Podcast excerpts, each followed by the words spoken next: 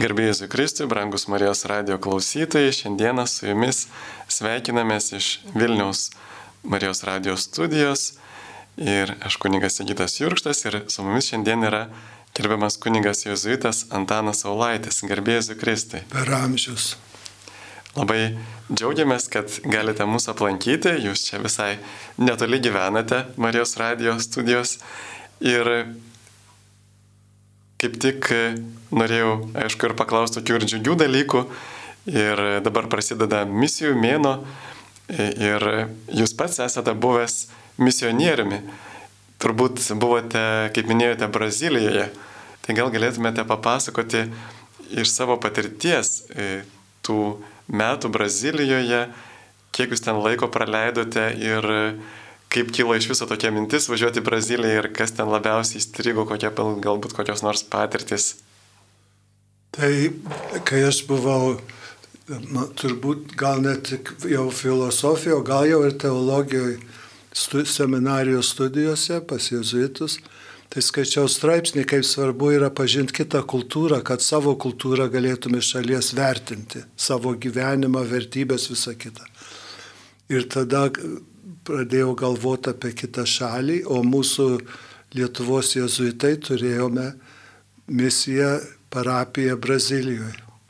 Tai aš e, septynerius metus vyresnėjam rašiau, prašydamas siūsti į Braziliją, išsiuntė dviem metam, bet aš buvau septynerius, lygiai tiek metų, kiek aš maldavau ten išvykti.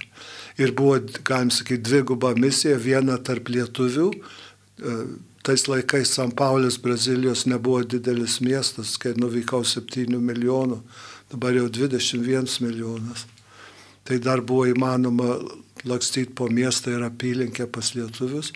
Ir atlikau praktiką jezuitų tokio dvasingumo metų, vadinamą terciato, šiaurės rytų Brazilijoje žvėjų kaime. Jau grinai brazilų arba galim sakyti pusiau indienų. Tai tokios dvi sritys, kur teko kitoj šaly, kitoj kultūroje būti. Ten džiaujojate ir žmonės, ir žuvis. Žuvų ne, man nesiseka žuvų gaudyti, bet valgyti tai sutinku. O vat, kokia ten kalba jūs susikalbėdavote? Tai su lietuviais ir lietuviškai, ir žinoma, jie tarė kitaip negu čia Lietuvoje arba aš iš jungtinių, ir, ir taip portugališkai kitur. Braziliškai reikėtų sakyti. Bet Brazilijoje turbūt, na vis tiek, tarsi jūs buvote džiunglėse, tai buvote tokioj, na labai gamtoj, kuri kartais ir nesvetinga žmogui, gal, gal ir neturėjot kokių gyvačių įkandimų ir panašiai.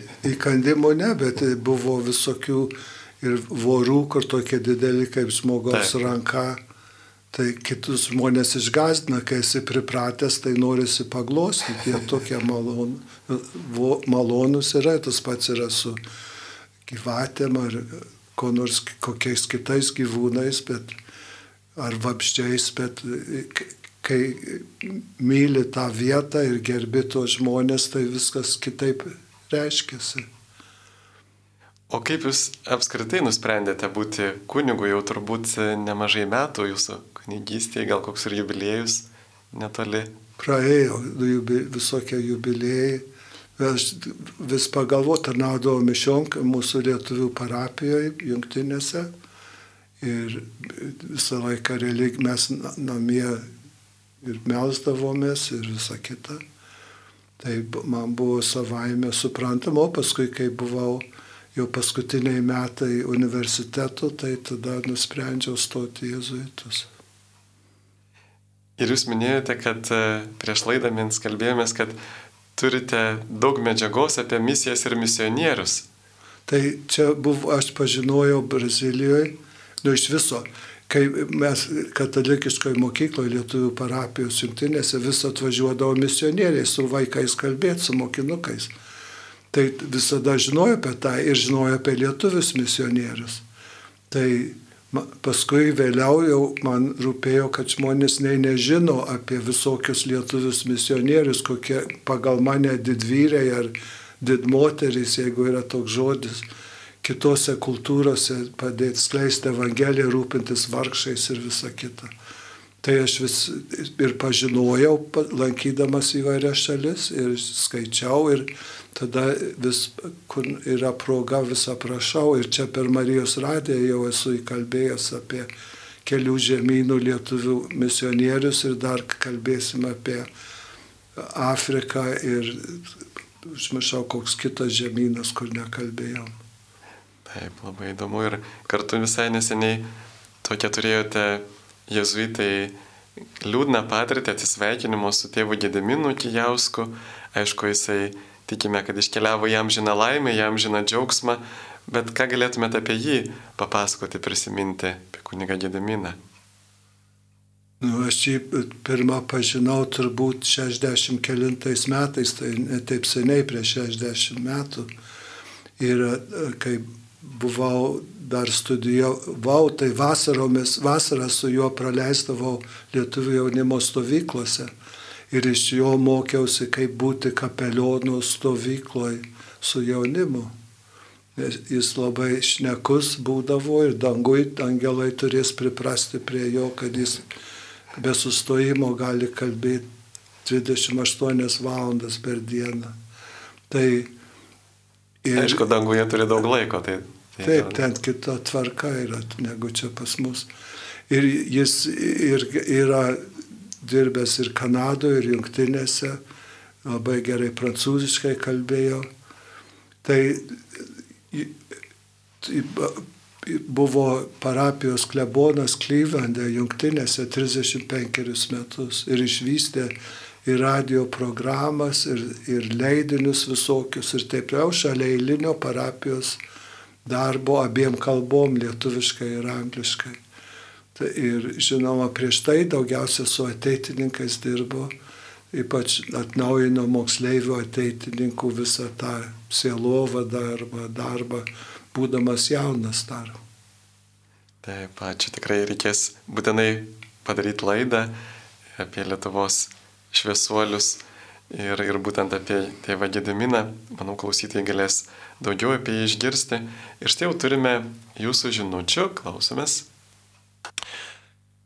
Šį spalio mėnesį kalbant rožinį bažnyčioje ar bendruomenėje, kurią rožinio dalį, kurią savaitės dieną reiktų kalbėti. Dėkoju už atsakymą. Aš tikrai nežinau, yra nustatyta tokie dalykai.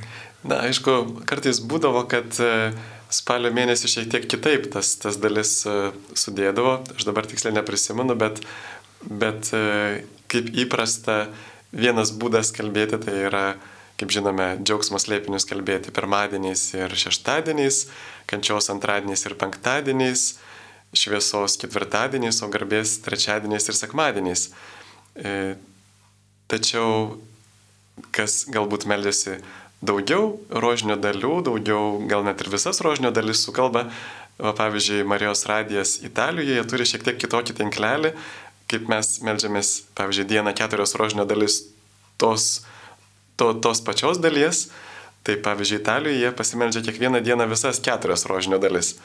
Tai va, tai čia tiesiog asmeniniam pamaldumui kaip norite, o bažnyčiai tai turbūt irgi su bendruomenė, kaip, kaip bendruomenė nuspręs. Ir dar turime žinučių. Kame reikalas, jei meldiesi, prašai Dievo ne kokių turtų ar pramogų, o sveikatos artimiesiems ir Dievas kaip nepadeda, taip nepadeda. Gal čia tik filosofinis išsigalvojimas, kad Dievas yra ir mes tiesiog kvailelio vietoj tikime pasakomis ir tampame tarsi bereikalingos maldos vergai. Ačiū taip. Tai reikėtų pabandyti melstis, kad niekas nemirtų ir tada žiūrėti, kas darytųsi mes esame, dar nesam danguje, bent dauguma mūsų, kurie klausosi šios programos. Tai mes gerai žinom, kad ir skauda koja, ir širdį, ir santykiai žmonių vyra ir visokie kiti dalykai, ne tik tai lygos įvyksta. Mes melžiamės Dievo, kad pagydytų, kad duotų stiprybės ligonėm, kad nekentėtų. Ir Dievas savo būdu moka mus palaikyti. Taip, ir, ir Dievas visą kančią sugeba išvesti į didesnį gėrį. Va čia ir pasireiškia Dievo visą galybę, kad net ir baisiausią kančią jis gali išvesti į didesnį gėrį, kaip matome Jėzaus asmenyje, kad Dievo Sūnaus nužudimas tapo priežastimi būdų išgelbėti, atpirkti mūsų nuodėmės. Ir turbūt maldoje, kas e, tikrai uoliai meldžiasi, mes patiriame, kad malda duoda labai daug dvasinių vaisių, vaduoda šventosios dvasios vaisių - meilę, ramybę, džiaugsmą, kantrybę, gerumą, gailestingumą ir tai perkyčia mūsų širdį. Tai todėl, e, jeigu tik tai vat, pribėgam prie maldos, ta malda tokia negili, tai mes nepajaučiam jokio skirtumo.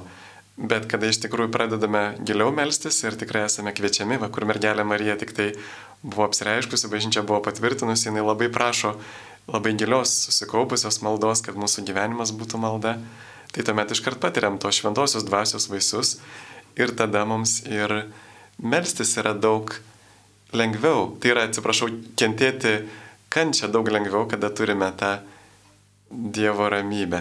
Ar dar turime žinučių?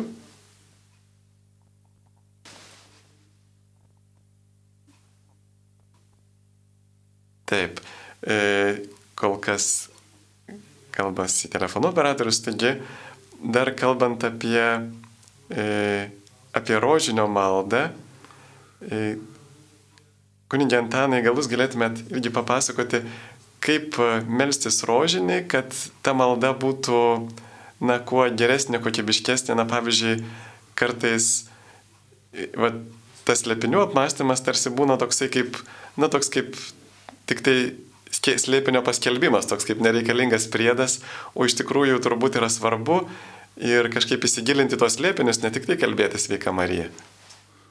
Čia yra sunkus uždavinys ir gali padėti, kai šventas Ignacas pamokytų, jeigu jūs kalbi tą slėpinį, tai įsivaizduoji, kad esi, esi toj vietoje ir su tai žmonėm, kurie apie ką kalbė Jėzaus gyvenimo įvykius.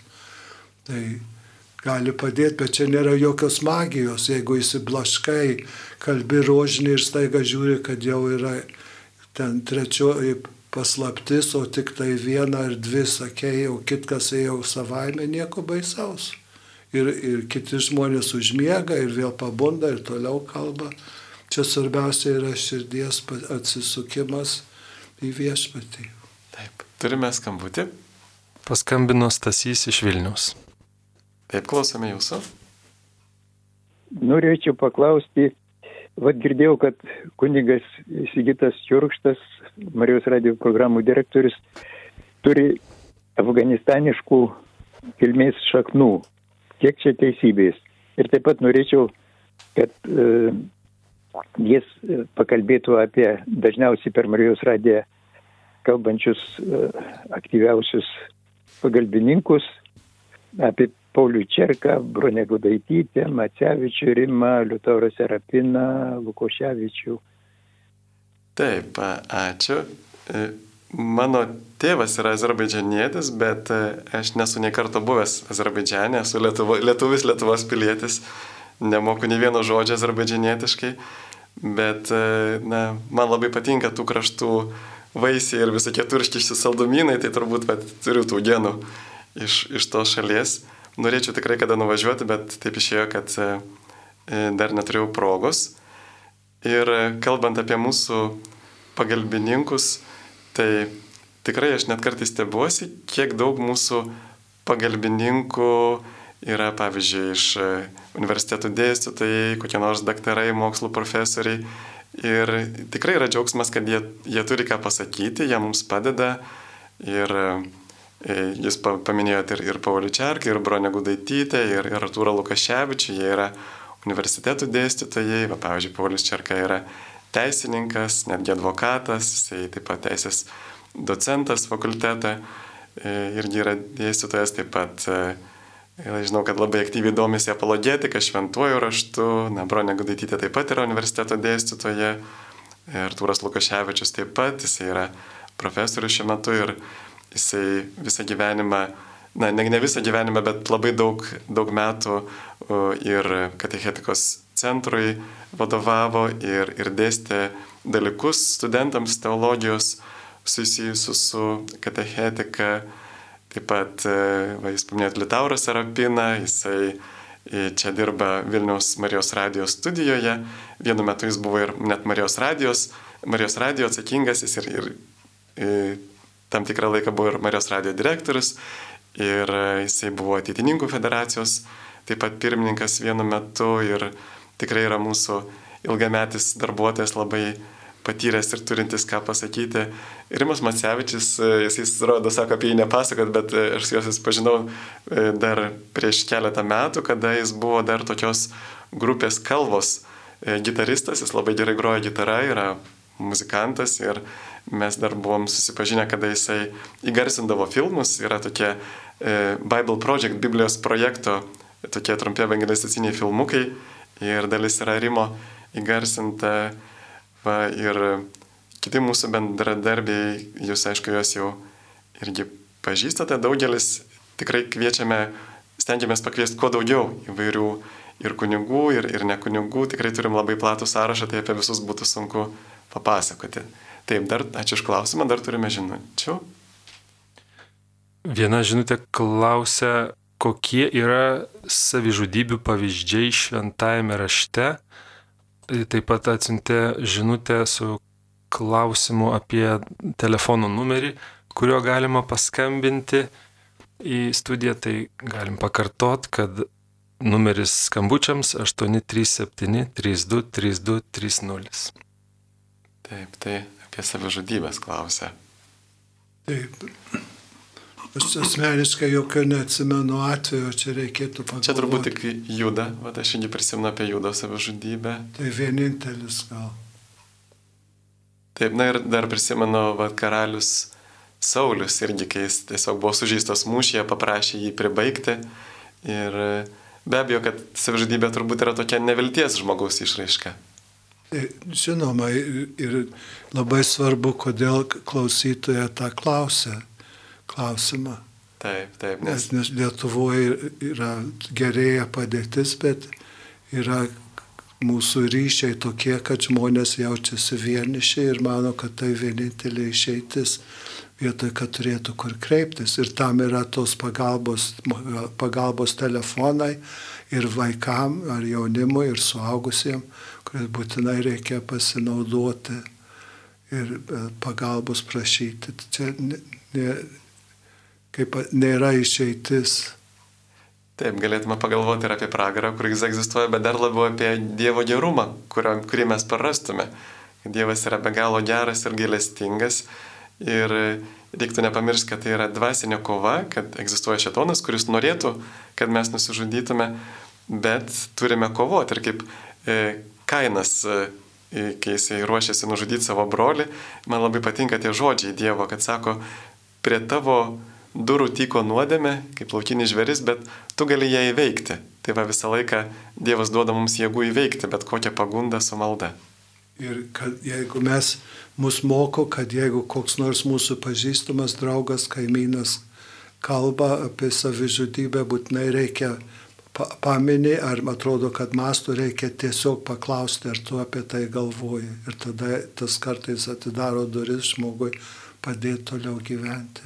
Taip, kad kartais būna ir, va, pavyzdžiui, su tėvais kažkoks santykis galbūt nelabai vykęs ir, ir galim tada irgi prisiminti, kad esame be galo Dievo mylimi ir kad e, maldoje ir tik maldoje mes galim patirti Dievo meilį ir, ir koks gražus yra jo dovanotas gyvenimas ir kad ta kova vyksta, bet ta kova yra irgi yra gražiai mums reikalinga, mūsų augina.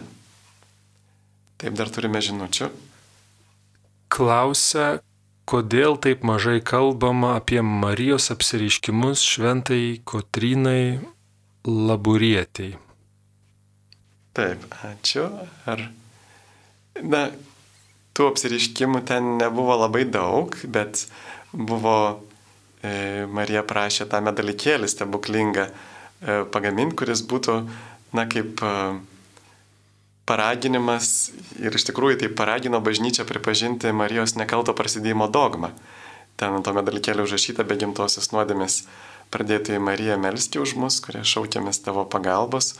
Taip pat kitoje pusėje tos dvi širdis, Jėzus ir Marijos širdis ir kryžius ant tam raidės. Ir, ir čia irgi buvo toksai ženklas, kad mergelė Marija jį ir ypatingų būdų padėjo Jėzui e, jo atpirkimo darbe, buvo tokia ypatinga pagalbininkė jo ir kad kartu ji yra na, su Jėzumi nauja pradžia, galėtume sakyti, Jėzus kaip yra naujas Adomas, kuris neturi nuodėmės ir Marija tokia buvo sukurta, tokia Dievo malonėmis apdovanoti iš Jėzaus būsimos kančios nuopelnų.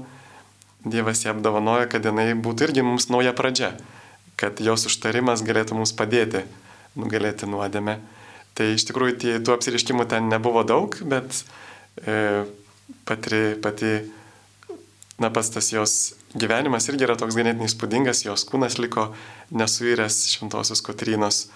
Tai aišku, mes labiau žinome Lurdą Fatimą, bet yra dar 20, iš viso 25 bažnyčios pripažintos Marijos apsiriškimų vietos, kur tikrai yra na, ta pati žinia, bet šiek tiek kitaip, kartais ir daugiau tų pranešimų, kartais mažiau, bet mergelė Marija visur tą pačią žinią perdoda, įkviečia mus, e, darykite, ką Jėzus jums lieps. Taip, turime. Klausimas, žodžiu, nežinau, kaip tiksliai jį perskaityti, ar galioja santoka be išpažinties ir komunijos šventų Jonų bažnyčiai. Čia nežinau, kaip, kaip jį suprasti. Gal turime minti, kad be, be mišių turbūt, ar ne? Ar... Nežinia, ką turi minti. Čia nėra jokios magijos, būna santoka per, kartais per mišes, labai retai čia Lietuvoje, kiek aš matau, o žmonės prieina išpažinties svarbiais gyvenimo atvejais ar tam tikrų laikotarpių, yra tokių, kur prieš santuoką tą daro. Bet labai gerai, kad tuokėsi bažnyčioje. Mes mielai priimam ir šventų Jonų ir visose kitose bažnyčiose. Taip, ir, ir labai tinka per, per santokos apėgas priimti komuniją, yra tas numatyta, tik tai labai dažnai jaunavedžiai labai skuba, nes viskas yra užsakyta, kainuoja ir kartais, kai pasiūlai komuniją, sako, ne, ne, sako, mes nenorėtume. Tai, tai iš tikrųjų galima paprašyti, kai e, tuokiantis priimti komuniją, tai yra labai susijęs su santoka, nes kaip su toktiniai tampa vienu kūnu, taip ir mes su Kristumi tampame vienu kūnu. Tai labai, tikrai labai susiję. E, Ir kaip jūs, e, tėve Antanai, manote, kodėl šiais laikais e, žmonėms yra taip sunku ir sudaryti santoką, ir išbūti joje, nes anksčiau atrodo pavykdavo, dauguma žmonių vis tiek ištverdavo ir būdavo ištikimi ir džiaugdavosi, o šiais laikais kažkaip tos santokos būna tokios ganėtinai netvirtos. Anksčiau žmonės gyvendavo iki 40 metų amžiaus. Tai santoka buvo ta, tikras metų skaičius, šiandieną žmonės gyvena iki 60-70, tai visko būna, paskui mes, e, mūsų čia kultūroje ir vakaruose, sakysim, nėra tokia bendruomeniška, kur visa bendruomenė palaiko žmonės, mes negyvenam, nu, nežinau, gentimis arba net ir kaimais ir todėl nėra tokių ryšių su kitais žmonėm, kurie palaikytų, su kuo gali pasikalbėti, pabendrauti. Labai daug keliaujam, kitose vietose žmonės gyvena, negu užaugo. Tai tada nėra tokių sal, iš aplinkos palaikymo tos e, santokos ir iš, iš viso pas, džiuginančių ar palaikančių ryšių su kitais žmonėms šalia vyro ir žmonos ir taip pat ko mes tikimės. Mes tą pastebim per santokos apėgas, kur visi žiūri į amerikietiškus filmus ir pagal tą įsivaizduoja, jeigu tą darysi, tai tada būsi laimingas, kaip filmų žmonės. O yra truputį kitaip su tuo visų tą ištikimybę metų metus ir dešimtmečius. Ir už tai taip džiaugiamės, kai žmonės švenčia kažin kiek metų santokos ir kartais nedaug, dešimt metų ar penkiolika ir bažnyčioje pamenim per mišes ir jie viens kitam kažką pasako gražaus. Tai visokie būdai padėti santoką išlaikyti. Taip, yra paštalas Paulius irgi jisai atskleidžia, kad e, ištikimybė su toktiniu krikščionių ištikimybė ir tas neišardomumas santokos yra liudijimas Kristaus ištikimos meilės bažnyčiai kad Kristaus meilė yra tokia ištikima, kad ji niekada nepalieka ir sutoktiniai va turi tai liudyti. Ir turbūt be maldos, be tokio įsišaknymo Kristumi, tai aišku, mes savo jėgomis negalime to paliudyti. Tai kuo ta šeima yra labiau įsišaknyjusi maldoje, tai tuo labiau tikėtina, kad, kad Dievas sustiprins. Ir dar turime žinučių. Viena žinutė kunigui Antanui Saulaičiui. Ar planuoja kunigas Saulaitis rudenį vykti į Helsinkį pas lietuvius? Kita žinutė kitoje žinutėje rašoma, bažnyčia skelbia, kad pavyzdys su toktiniams yra Juozapo ir Marijos šeima, bet jų santykiuose nebuvo jokio sekso. Ar čia nėra prieštaravimo Dievo užduočiai susilaukti palikuonių? Tai apie Helsinkį gruodžio 17 skrendu į Helsinkį lietuvių mišioms kalėdų proga, kaip beveik kiekvienais metais jau gal šešerius kokius metus ir labai mielai ir džiaugiamės galėdami atšvęsti mišes ir pabendrautas dvi, tris dienas. O pavyzdys yra tai, kad kaip vyras ir žmona sugyvena ir kartu siekia to paties tikslo, kur čia buvo aišku užauginti Jėzų ir tuo pačiu liūdyti tą visą švento rašto paveldą apie Dievo ištikimą meilę mums ir mūsų atsakomybė viens už kitą, ir vyrą, ir žmoną, ir savo prieauklį. Taip, ir lytiniai santykiai užima tik labai nedidelę laiko dalį, o visą kitą laiką reikia gyventi kartu ir tikrai Marija ir Juozapas yra pavyzdys e, to tokio atsidavimo Dievo valiai, e, Dievo valios ieškojimo, kad kartu e, siekia vieno tikslo, kartu buvo pamaldus ir na, bet čia prasme jie yra mūsų pavyzdys, bet, bet jokių būdų nenorima pasakyti, kad, kad va, šeima irgi turėtų būti kokia nors nevaisinga ar turėti tik vieną vaiką, bet čia apie kitus dalykus, būtent dėl jų santykio, santykio su Dievu ir, ir tokio e, artimo meilės, Dievo ir artimo meilės. Taip, turime dar žinučių. Čia tikriausiai ap, m, priedas prie klausimo apie savižudybės. Pranašas Elijas taip pat norėjo nebegyventi, o Dievas atsiuntė angelą su maistu ir sakė pailsėti. Gal to ir reikia? Hmm. Taip, iš tiesų, tai tikrai kartais reikia tikrai pailsėti ir pavalgyti. Bet, bet aišku, turbūt e, esminis dalykas yra neatsisakyti kovos, nes e, mes kovodami stiprėjame ir turime kovoti dvasinę kovą, būtent e, nuolat irtis link Dievo. Nes piktoji dvasia stengiasi mūsų atskirti nuo Dievo ir mes turime kovoti, kad neprastume tos vienybės su Dievu, kuris yra gyvenimo, meilės, džiaugsmo, ramybės šaltinis. Dar turime žinučių. Kaip atsakytumėte vaikui, kuris sako, kad netiki Dievu, nes pats savo Dievas yra? Labai gražu. Aš atsimenu, mes su paaugliais, 14 maždaug metų kalbėjom apie tuos dalykus vienam burelį su um, jų vadovė, moterim ir, ir aš buvau. Ir buvo klausimas, ką tiki. Ir tik maždaug ar tiki mokslą, ar tiki Dievą. Tai maždaug pusė to jaunimo atsakė, kad tiki mokslą.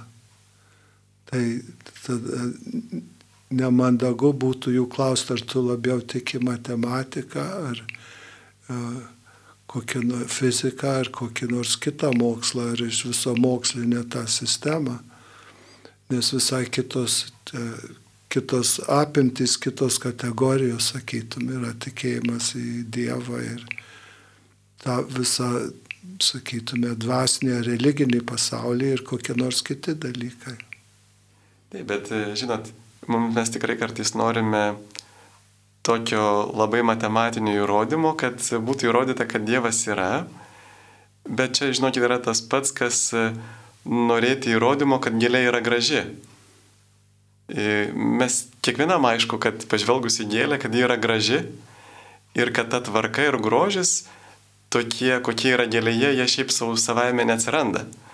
Taigi, jeigu mes būtume atviri, mes kiekviename žingsnėje pastebėtume Dievo buvimo įrodymą. Taip dar turime kitų klausimų. E, paklausęs klausytojas apie Šventą Kotryną Laburietę, klausė, dar turiu taip pat klausimą apie Šventosios Teresėlės relikvijų kelionę. Kokios tai relikvijos, visos ar tik jų dalis? Taip, na, Lietuvoje buvo Teresėlės relikvijos ir be abejo, kad tai nebuvo E, nebuvo visos relikvijos, tiksliai galbūt e, būtų sunku pasakyti. Ir tai jau buvo ganėtinai seniai, man atrodo, 2007 metais. E, ir tai yra buvo tiesiog ženklas, kad ji yra, na, ženklas, kad ji yra gyva danguje ir kad mes galim kažkaip tai su ją susitikti. Aišku, visą laiką melzdamiesi užtarimo, šventųjų užtarimo galim patirti jį tą bendrystę, bet štai vad relikvija yra tokia regimas ženklas ir šventame rašte irgi matome relikvijų tokios praktikos e, pavyzdžių, kaip pavyzdžiui e, žmonės uždėdavo skiautės lietusias apaštalų kūną ir žmonės pasveikdavo, net nuo jų šešėlio pasveikdavo.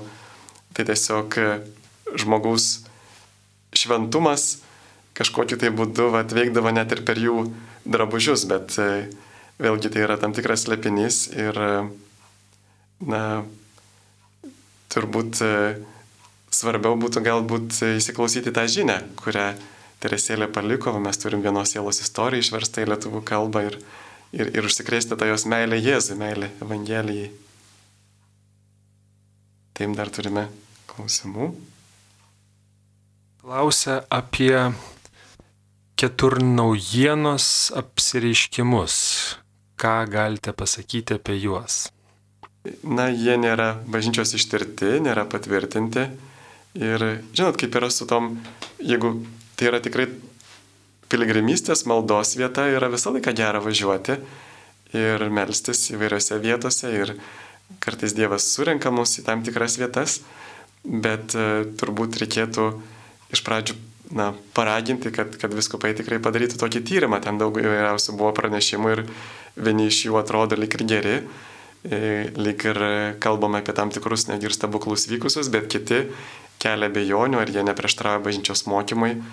E, tai vad reikėtų būti atsargiems ir melstis, aišku, visą laiką galime važiuoti, bet na, bent jau reikėtų susilaikyti nuo tos žinios galbūt platinimo, kol nėra tokio tikrumo. Taip. Ir e, iš tiesų mes Lietuvoje turėjom daug tokių piligrimystės vietų ir tėvė Antanai, kaip manote, kokia yra piligrimystės esmė? Pavyzdžiui, kam žmogui keliauti, nu, pavyzdžiui, kad ir į Šiluvą, kai jis gali savo kambarėlėje pasimelsti ir Dievo susitikti?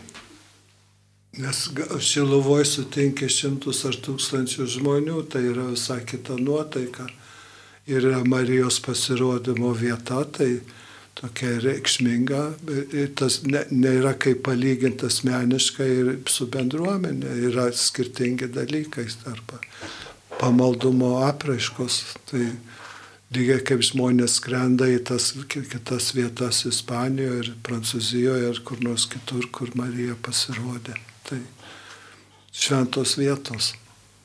Taip, ir, ir kartu tai yra toks būdas išsiveršti iš visų savo rūpeščių ir būti visiškai, būti visiškai su Dievu, be abejo, nes turbūt tie rūpešiai labiausiai mus ir sulaiko nuo, nuo vienybės su Dievu kasdienybėje. Tai pradiškai mes turime išeiti iš savęs paties, kad, iš savo rūpeščių. Taip, tai turime skambutį. Paskambino Danutė iš Kauno. Garbėjai Jėzui Kristui. Per amžius, Danutė visų pirmiausia sveikinu ir linkiu kunigui Antanui stiprybės, sveikatos didelės. O klausimas yra mano, ar sekmadieniais vyskupas Jonas Kauneckas nekalbės, ar jis dabar pakeista kitų laikų kalbės. Tai tiek ir visiems labai geros dienos. Taip, per Marijos radiją, atsiprašau dabar, taip, dėl, dėl visko po Jono, tai buvo klausimas, sekmadieniais mes transliuodavome šventasis mišes visą laiką iš Kaišėdorių parapijos ir čia buvo toksai sumanimas pasiruošti Teofiliaus palaimintojo Teofiliaus Matulionio toms iškilmėms ir kartu, kad žmonės labiau įpažintų. Ir dabar jau tas laikas pakankamai ilgai tęsiasi ir, ir mes matome, kad sekmadieniais žmonės, pavyzdžiui, sudalyvauja mišiose ir jie dar norėtų išgirsti kažkokią tai laidą, o mes transliuojame tris mišes ir nelabai lieka laidoms, tai vad nusprendėme palikti tas 10 ir 12 valandos šventasis mišes, o vakaro mišių transliacijų atsisakyti, kad būtų daugiau laiko laidoms ir kad gal nebūtų pagundos e, iš kažkur grįžus e, neiti bažnyčią, bet tik tai per radiją pasiklausyti mišes. O aišku, viskupą Joną tai visą laiką kars nuo karto girdime iš įvairių atlaidų, iš įvairių šventovių, tai tikrai girdėsite. Taip turime žinutę. Sveiki, norime paklausti. Gyvename abu išsituokę iš pirmųjų santokų. Antros pusės gyvi. Kur mums kreiptis dėl santoko anuliavimo, kiek žinom į bažnytinį tribunolą, kur jis yra, kokiu reikia dokumentų, kur pirmiausia kreiptis. Žmonės paprastai kreipiasi į savo bažnyčios kunigą ar, ir, arba ten, kur tuokėsi ir tada ten paaiškina, ką reikia daryti, ta, pradėti vadinamą tą anuliaciją arba bent ištirti tą visą reikalą. Tai ten ir pasakoma, ko reikėtų, pamažu būna tokia apklausa kur žiūrim, ar yra kokių galimybių parodyti ką nors, kad trūko kažko toj santokoj, pačioj pradžioj ir tada vėliau gali būti, kad reikia kitų bažnytinių ar dar kitokių dokumentų arba liudininkų pasisakymų. Tas trukdavo, normaliam pasaulyje trunka, popiežius Pranciškus sumažino tą laiką arba ką reikia daryti. Tai dabar nėra taip, kad reikia devynerius ar penkiolika metų laukti, kol išsprendžia. Dabar būna ir net Lietuvoje girdėjau, kad net per dviejus metus išsprendė tokius dalykus. Ir nebijokite kreiptis, nes būtent tada, kai kreipsitės, jums ir pasakys, kokie yra jūsų šansai, kokia situacija yra būtent jūsų ir ar, ar yra prasmės toliau duoti dokumentus, ar yra e, pagrindo manyti, kad jūs e, kad ta santuoka galėtų būti pripažinta negaliojančia. Tai tiesiog kreipkitės ir čia būna e, paprastai prie viskupijų kūrijų, būna pan, tose pačiose patalpose arba netoliese. Tai prie Kauno viskupijos kūrijos kūrijoje arba Vilniaus viskupijos kūrijoje. Taip. Joana klausia, šešis metus slaugydama mamą esu grubiai su ją pasielgusi. Jau trys metai po jos mirties. Atrodo, kad tai mirtina nuodėmė, netekau vilties, nors bėgiojau iš pažinties, kasdien melžiuosi. Ar įmanoma kaip nors rasti ramybę? Ar gali būti, kad Dievas jums atleistų, būtų klausimas? Ir atsakymas yra, kad Dievas jau atleido prieš tai, kai jūs gailėjotės ar atsiprašėt, ar mamos, arba Dievo. Tai galit būti visai rami, kad Dievas ne tik atleido, bet seniai užmiršo. Mama yra jo glėbėje, jums nebereikia rūpintis. Yra gal pamoka, kaip mes su žmonėm elgiamės ir labai suprantama, kad netenkam kantrybę su ligonėm, nes mūsų pačių jėgas tas išsekina ir kartais pasakom ar padarom ką širkštaus. Bet čia yra ir su sveikai žmonėm taip kartais. Tai visiškai nesijauskite kalta. Yra jau blogiausiu atveju yra pamoka apie kaip bendrauti, bet viskas yra atleista ir Dievo sutvarkyta. Taip ir kartu galite e, ir atpažinti, kad tai yra pagunda, tikrai yra piktojo pagunda, nepasitikėti Dievo gailestingumu, kaip Jėzus Faustinai sakydavo, kad aš labiau, mane labiau žaidžia ne tavo nuodėmės, bet tavo nepasitikėjimas mano gerumu. Ir kita vertus, jūs tikrai galite, e, va, tas visai yra teisingas troškimas kažkaip tai atsiteisti, atsilyginti, nors Jėzus už mus atsilygino, bet ir mes patys galime, nu panašiai kaip jeigu mes išdaužėm kur nors langą ir turim asmeninių santopų, tai nebūtinai mama turi už vaiką sumokėti, bet ir, ir vaikas iš savo santopų gali kažkiek prisidėti. Tai lygiai taip pat ir mes galime, ką mes labai daug ką galime padaryti gero, atsiteisdami už tai. Pavyzdžiui, galite vis kasdien pasimelst rožinį ar jos lėpinį už savo mamą mirusią, galite e, padėti kitiems e, ligonėms laudydami ir va tokios sunkios, nemalonios veiklos darant gerą išūkdo mūsų kantrybę. Taip, turime žinutę. Viena žinutė klausė, kokiom dienom kalba kunigas Veprauskas, kitoje klausė Sigitas, kodėl, kodėl Vilniaus Šventojios Kotrynos bažnyčia tapo renginių, o ne maldos vieta. Kas organizatorius, kam atitenka pelnas. Taip, tai kunigas Veprauskas ir toliau kalba tuo pačiu laiku, kaip ir būdavo, bažnyčios teisės klausimai ketvirtadienį 17.20, o gal dėl Kotrinos bažnyčios, gal jūs galėtumėte? Ne, aš negaliu pasakyti, bet yra tie, toj vietoj, kur Kotrinos bažnyčia ne, yra daugybė kitų aplinkui, visas ratas senamestį. Tai, tai palikta, kad pamažu ją restauruoja ir naudoja kaip salę koncertam ir kitiem renginiam vaidini, vaidybą ir taip toliau. Taip, ir aš manau, kad tai yra tam tikras irgi susitarimas su, e, su valstybė, kad už tai, kad leidžia, e, na, už tai, kad valstybė restauruoja, kad, kad leistų taip pat naudoti įvairioms salėms. Ir va, atrodo, kad administruoja ją Vilniaus mokytojų namai. Taigi yra toks abipusiais naudingas susitarimas, nes ji tikrai labai gražiai restauruota. klausia, mm, esu katalikas, šventas mišes lankau sekmadieniais privalomai, o šekedieniais kaip išeina, dar kasdien du kartus dienoj melžiuosi grupelėje internetu pagal Magnificat. Ir galiausiai klausimas, ar tai blogai? Nežinau, kame čia blogis, gal kad labai daug? Na, per daug nebus, tikrai niekada nėra per daug, bet svarbu ne tik ir kiekybė, bet ir kokybė. Kartais irgi e, kažkuris šventas yra sakęs, kad geriau sukalbėti vieną tėvę mūsų nuoširdžiai negu šimtą tėvę mūsų, bet kaip. Tai ir tai ir tai yra svarbu. Ir būna žmonių, kurie po kiek laiko pastebi, kad tiek įsivėlė į religinius dalykus, kad užmiršta savo šeimos narius ar kitus įsipareigojimus kokią nors savanorystę padėti bažnyčios ar socialiniai kokioj nors rytį, nebeturi laiko, nesusijėmė visokiais maldingumo praktikom. Tai tas lygsvaras nu, gyvenimo, maldos, mokslo, studijų, poilsio ir visa kita. Taip. Bet aišku, yra tikrai gera skirti, skirti laiko maldai E, ir tėvė Antanai, jau gal galėtume dar papasakoti žmonėms apie tą ignacišką maldos metodą. E, kas tai yra ir kaip, kaip juo mąstyti šventą raštą.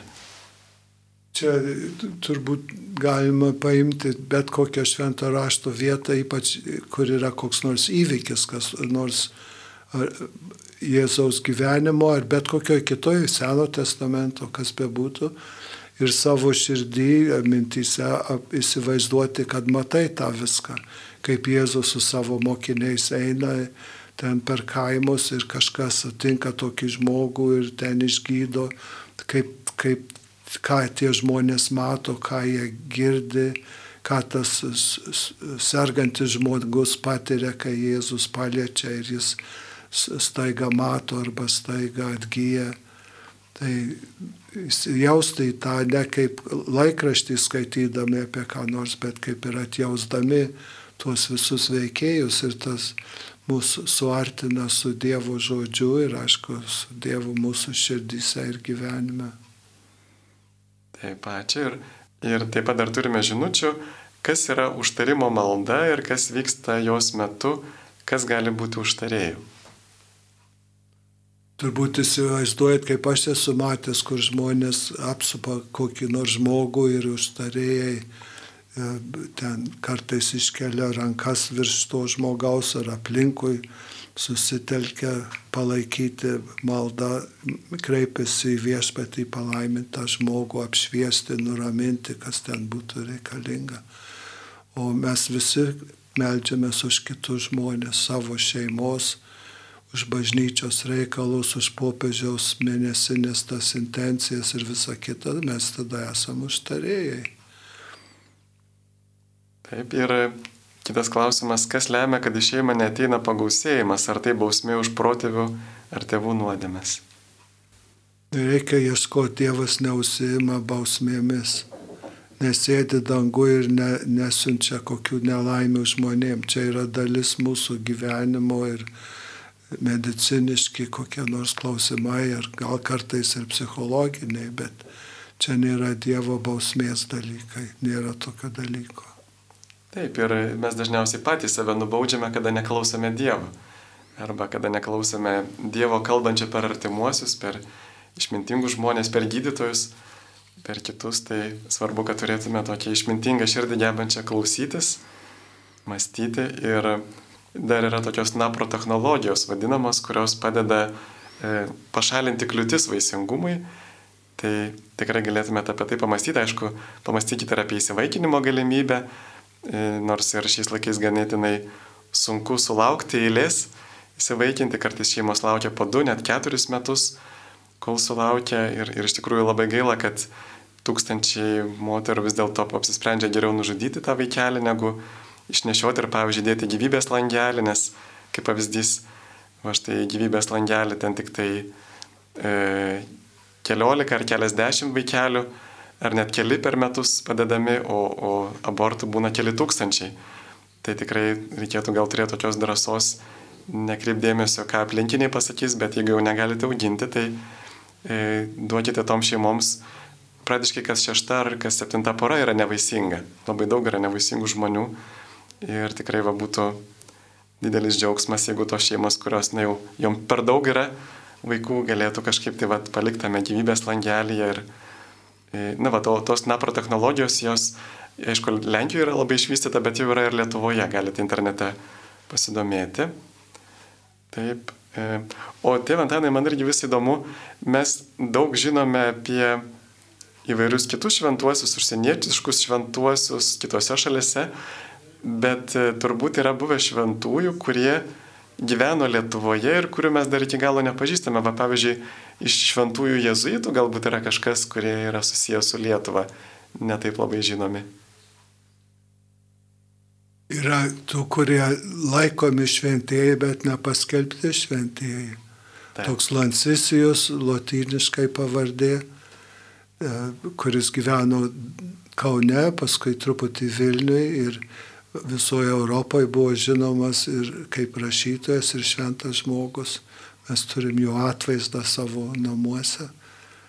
Yra ir, aišku, ir kitų, ne, kurie mum yra šventi, nes žiūrint, kad nėra paskelbti kažkur kitur. Taip kaip dabar taip gražiai vyksta paroda apie Juozapatą Koncevičių, kur aš stebiuosi, kad kai kurie lietuviai ne, nežinojo apie jį iki parodos čia pat netoli aušros vartų yra ta bažnyčia, kurią jis pastatė ir kur bazilionų vienuolynas buvo ir yra dabar vėl. Tai daugybė žymių žmonių turime ir ne tik baži, nu, dvasininkų, bet ir pasauliečių. Netgi buvau nustebęs, kai vienam kalendoriu radau, kad yra tokia šventoji Kristina Lietuvai, Haritina, atsiprašau, Lietuvaitė, e, pavyzdžiui, kurie irgi gyveno Lietuvoje, net ir Lietuvaitė vadinasi, o mes apie ją beveik nieko nežinome. Tai čia tikrai ortodoksų šventieji. Kur... E, o taip, pas stačiatikius yra visai eilė lietuvių šventųjų skyrus, įskaitant Daumantą, kuris taip, iš pat pirmųjų amžių. Taip, ir, ir ir Eliziejus Laurušavietis, ir Antanas Jonas ir Eustachijus kankiniai, va čia šalia Marijos radijos studijos yra jų kūnai vienuolynė. Taip turime skambutį. Paskambino Elena iš Panevežio rajono. Klausome, Elena, garbėsiu Kristui. Garbėsiu Kristui. Aš labai labai norėčiau paklausti, kodėl ne švins Dieve nebegėdai, brangiausia buvo malsų įstatymų, baigsi gražiai. Ir kodė dešimt dievų įsakymų nepilmin. Tie labai vargšai, kur aš kaime gyvenu, tik kaip sako, jie niekad, tie jaunimus nieko nesupranta. Kunigai maž atvažiuoja. Skubina jie tik tais labai greitai, o kaip sako, tai niekad ką jie nesuprant, ką nieko ne, tikrai nesuprant, kad daugiau per Marijos radio, kad šventas Dieve to giesmę pagėduot, nors, nors vieną kartą dienoje, sekmadienės, kaip sako šventas Dieve, tokia brangi malda. Ir kad dešimt Dievo sakymų, aš labai ilgiuosi, nes labai daug bedėvių, kuda yra tų iš jaunimo, tai aš maldaknis, tuos perk viskas, bet kai jie ne, išaiškita, aš viską tai negali padėti, bet per Marijo radiją tai viens kitam pasakytų, būkit geri, labai nuoširdu, ačiū, kad jūs galėtumėt, nors kartą sekmadienį, kur katro bažnyčio. Ačiū kad... labai jums, ačiū, supratom, dėkojom už gerą paraginimą, reiks apie tai pamastyti, va tikrai ir katechezų galime paruošti apie dešimt Dievo įsakymų. E, iš tikrųjų, kartais, kai kokį nors žaidimą darai su vaikais ar, ar saugusiais kokią viktoriną, tai tikrai retas, kuris gali išvardinti teisingą tvarką tos dešimt Dievo įsakymų. Iš tiesų, ar dar turime žinučių ar skambučių? Klausia, gal galite atsakyti, ar krikščioniško tikėjimo bažnyčia Kaune Žeimenos gatvėje Ir taip pat apie Kauno Marijos radijos studiją rašo situacija, kad buvome Kaune ir norėjome aplankyti, palikti auką Marijos radijoje. Įėjus į vidų nematėme jokios nuorodos, kur eiti. Žodžiu, kai duris buvo užrakintos arba atidarius nieko nebuvo, taip ir išėjome nieko nesutikusius. Tikriausiai kaip ten galima ateiti ir palikti auką klausimas. Taip, tai iš tiesų įeiti, dabar užkliavam tokius skelbimus, rodiklės. Jeigu mes einame nuo Vilniaus gatvės, ne nuo Vilniaus gatvės, tai tada reikėtų pagal rodiklę apeiti ir, ir tenais yra toks įėjimas į koplyčią, e, yra duris ir kartu yra įėjimas pas būdėtoją. Tai vienoje pusėje yra koplyčia, o kitoje pusėje reikia paskambinti skambučiu, yra būdėtoja. Ir būdėtoja paprastai būna nuo ryto 9 valandos maždaug, taip iki, jeigu neklystu, iki 8 vakaro, tai ir iki 7 maždaug, tai, tai va tuo laiku tikrai galime, galime užsukti. E, ir e, paprastai tos duris, kurios atidarytos būna, tai pirmiausiai į koplyčią. Tai va priešingai e, šalia koplyčios kitos duris yra pas būdėtoją, kur galite palikti auką. Taip. Dėl baž... bažnyčios žymenos gatvės? Ai, taip. Na, yra įvairių bažnyčių šiuo metu ir krikščioniškų bendruomenių gal labiau, ir protestantiškų įvairių bažnyčių. E, aišku, kur yra katalikų bažnyčia, tai jūs lengvai atskirsite, o protestantiškos bažnyčios yra labai įvairios. Vienos yra, na, iš tiesų, nuoširdžiai skelbia Evangeliją, kitos galbūt labiau užsima tuo, kad, na, parodytų, kaip katalikų bažnyčia klysta ir, ir kaip čia viskas blogai. Tai vis dėlto mes tikrai galim nueiti ir pasimelsti kartu su kitais krikščionimis, bet turbūt nerekomenduočiau lankytis tose bažnyčiose, kurios, nu, va, pagrindinis tikslas yra, kurios tokios yra antikatalikiškos, kurių pagrindinis tikslas būna diskredituoti katalikų bažnyčią. Taip, taip. Skambina klausytoje. Antanas iš Kelmės. Taip, Antanai, sveiki. Garbėzu Kristui. Per amžius. Aš noriu sužinoti tokį dalyką. Labai seniai meldžiuosi už taiką Ukrainoje, manau ir kiti lietuvių meldžiasi. Kodėl vis tik tai nėra taikos? Kodėl negalima išmelsti? Taip, ačiū. Dievantanai. Čia priklauso ir nuo žmonių elgesio, ar ne žmogaus laisvės. Aš galiu ką nors melstis apie save ar kitus žmonės, bet nepriversi kitų žmonių kitaip daryti.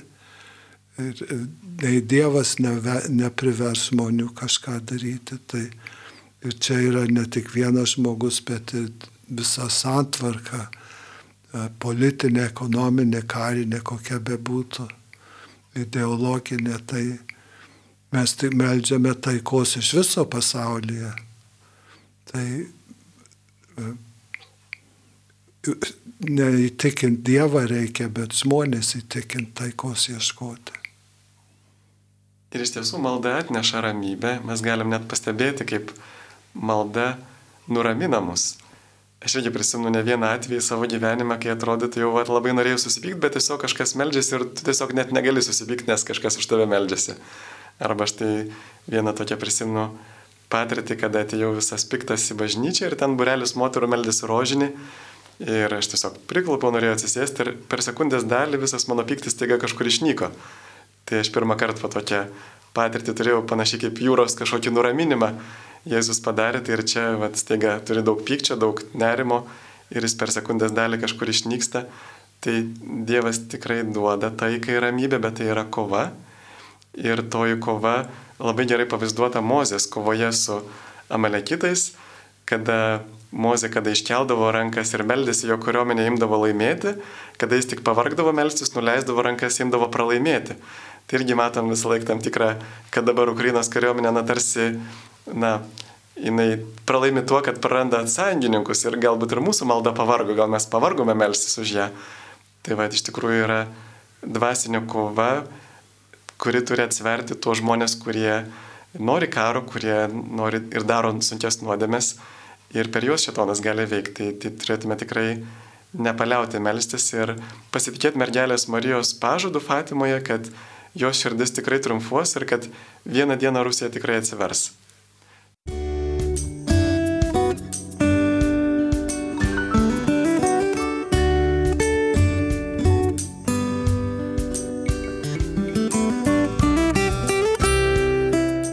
Palaiminto jums laiko su Marijos radiju. Garbėjus Kristui, brangus Marijos radio klausytojai. Šiandieną su jumis esame studijoje iš kuningas Sigitas Jurkštas ir kuningas Jezuitas Antanas Saulaitis. Ir turime skambutį. Alfonsas iš Šiaulių paskambino. Sveiki, Alfonsai, garbėjus Kristui. Garbėjus Kristui. Per amžius. Kadangi gerbiamas kunigas Antanas mėgsta humoro, tai yra sveikas dalykas, tai aš ir pusiau humoristiškai paklausiu. Pasaulis kenčia kankinės karai, nelaimės. Daugumą karpinam, tai yra mūsų kaltės, bet yra ir šitonas kaltas. Tai jei dabar sutinkam šitoną ir klausim, kodėl tu taip elgies, o jis mama sakys, mane tokį Dievą sutvėrė ir aš vykdau Dievo valią. Tai kaip dabar mums atsakyti? Ačiū. Taip. Labai gražiai paaiškinat. Taip. Kad Dievas šetoną sutvėrė ir atvirkščiai, kad šetonas net tai, ką mes vadiname šetonas, ne, nesiklauso, ką Dievas moko ar sako, ar kad Dievas bando šiame pasaulyje daryti, kaip tik ardo priešingai. Yra ne, nebuvimas Dievo yra tas šetonas.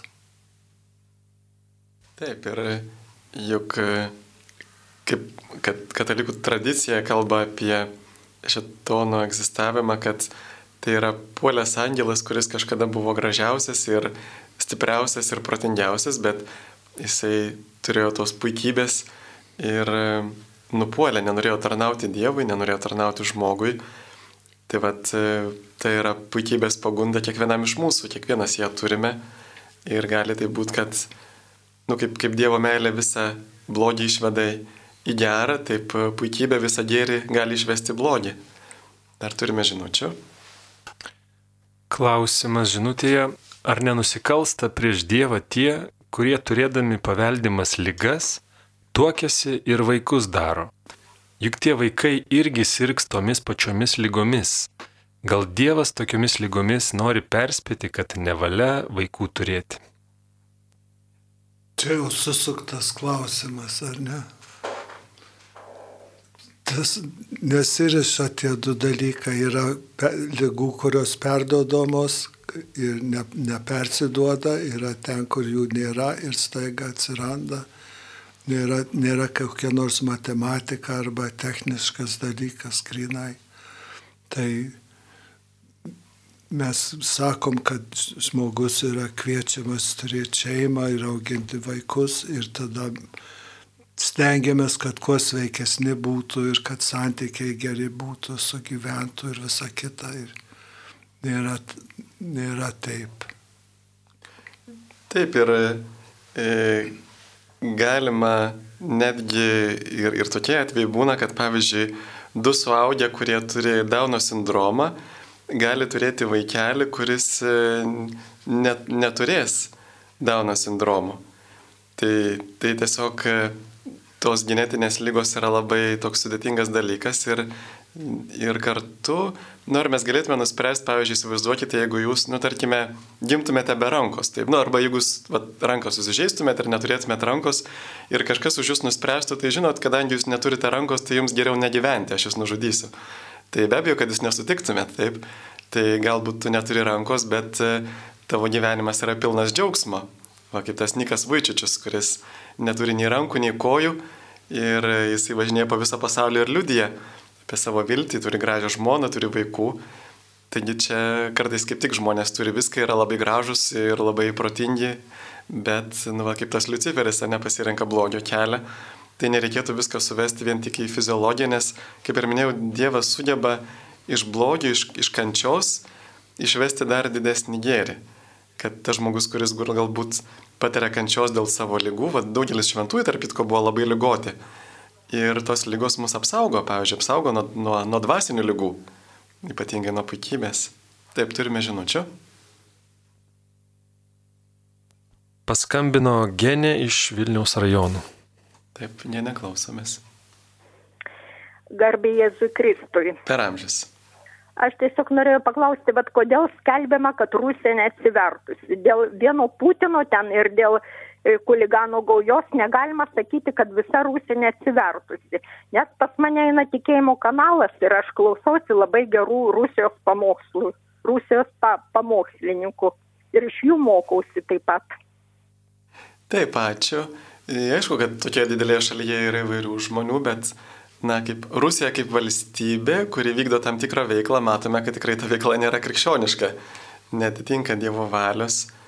Ir e, turėtum irgi, yra dažnai tokia, žinot, irgi pagunda, kai ypatingai va, tas ateina iš Rusijos propagandos, kad, kuris sako, kad štai pažiūrėkite vakarai, kokie yra blogi. Ir mes palyginti todėl nesam blogi, nes kovojam prieš tą blogį vakaruose. Arba kad e, štai mes čia turim gerų intencijų ir taip toliau, bet vis tiek yra ta patarlė gerais norais pragaras grįstas. Tai jeigu, jeigu valstybė vykdo terorą, blogį, Tai nesvarbu, kokios jos intencijos kelbiamos, bet faktas, kad tai yra blogis. Tai gal tai Vantanai dar norėtumėt pridėti? Ne. Taip, turime žinučių. Tikinčiųjų grupė iš Kauno rašo Vyskupas Jonas Kauneckas, visos Lietuvos mylimiausias kunigas, mūsų visų dvasinis tėvas. Kur turėtume kreiptis, kad jo pamokslai būtų transliuojami reguliariai nustatytų laiku? Taip, ačiū, kaip tik per Marijos radiją transliuojami jo pamokslai kiekvieną sekmadienį Dievo žodžio laidoje. Galite išgirsti ir kiek žinau, kad e, vienas programuotojas Rutenis Pikšrys jisai ruošia e, viskupo Jono Kunecko pamokslų tokią, nežinau, ar programėlę, rinkinę ar svetainę, kur būtų galima e, visą prieiti prie viso rinkinio pamokslų, tai kai tai pasirodys, mes apie tai galėsim pranešti kada. Kodėl Jėzui, Jėzui Dievui reikėjo dviejų sielų - vienos dieviškos, kitos žmogiškos. Negi vien dieviškos nebūtų pakakę, o taigi mirė ir prisikėlė tai žmogus, negi Dievą įmanoma nužudyti. Aš niekada negirdėjau, kad turi dvi sielas. Tai nežinočiau, ką atsakyti. Ir Dievas ir žmogus tuo pačiu metu Dievas tapo žmogumi gyvybės pradas yra dieviškas. Taip, ir tai yra, Jėzus turi dvi prigimtis. Turi žmogišką sielą, kuri yra susivienijusi su, su dieviška prigimtimi, žodžio, amžinojo žodžio, kuris egzistavo prieš visus laikus, kuris tapo žmogumi. Ir tai yra vieno asmens, viename asmenyje yra suvienytos dvi prigimtis. E, tai ir, ir matome, kad Jėzus kartais irgi kovoja, taip, kovoja, kad tą žmogišką prigimti palenktų Dievo valiai, kaip pavyzdžiui, alyvų sade, sakė tėve, te aplenkia mane šiturė, bet tegul būna ne mano, bet tavo valia, ne, ne, ne kaip aš noriu, bet kaip tu nori.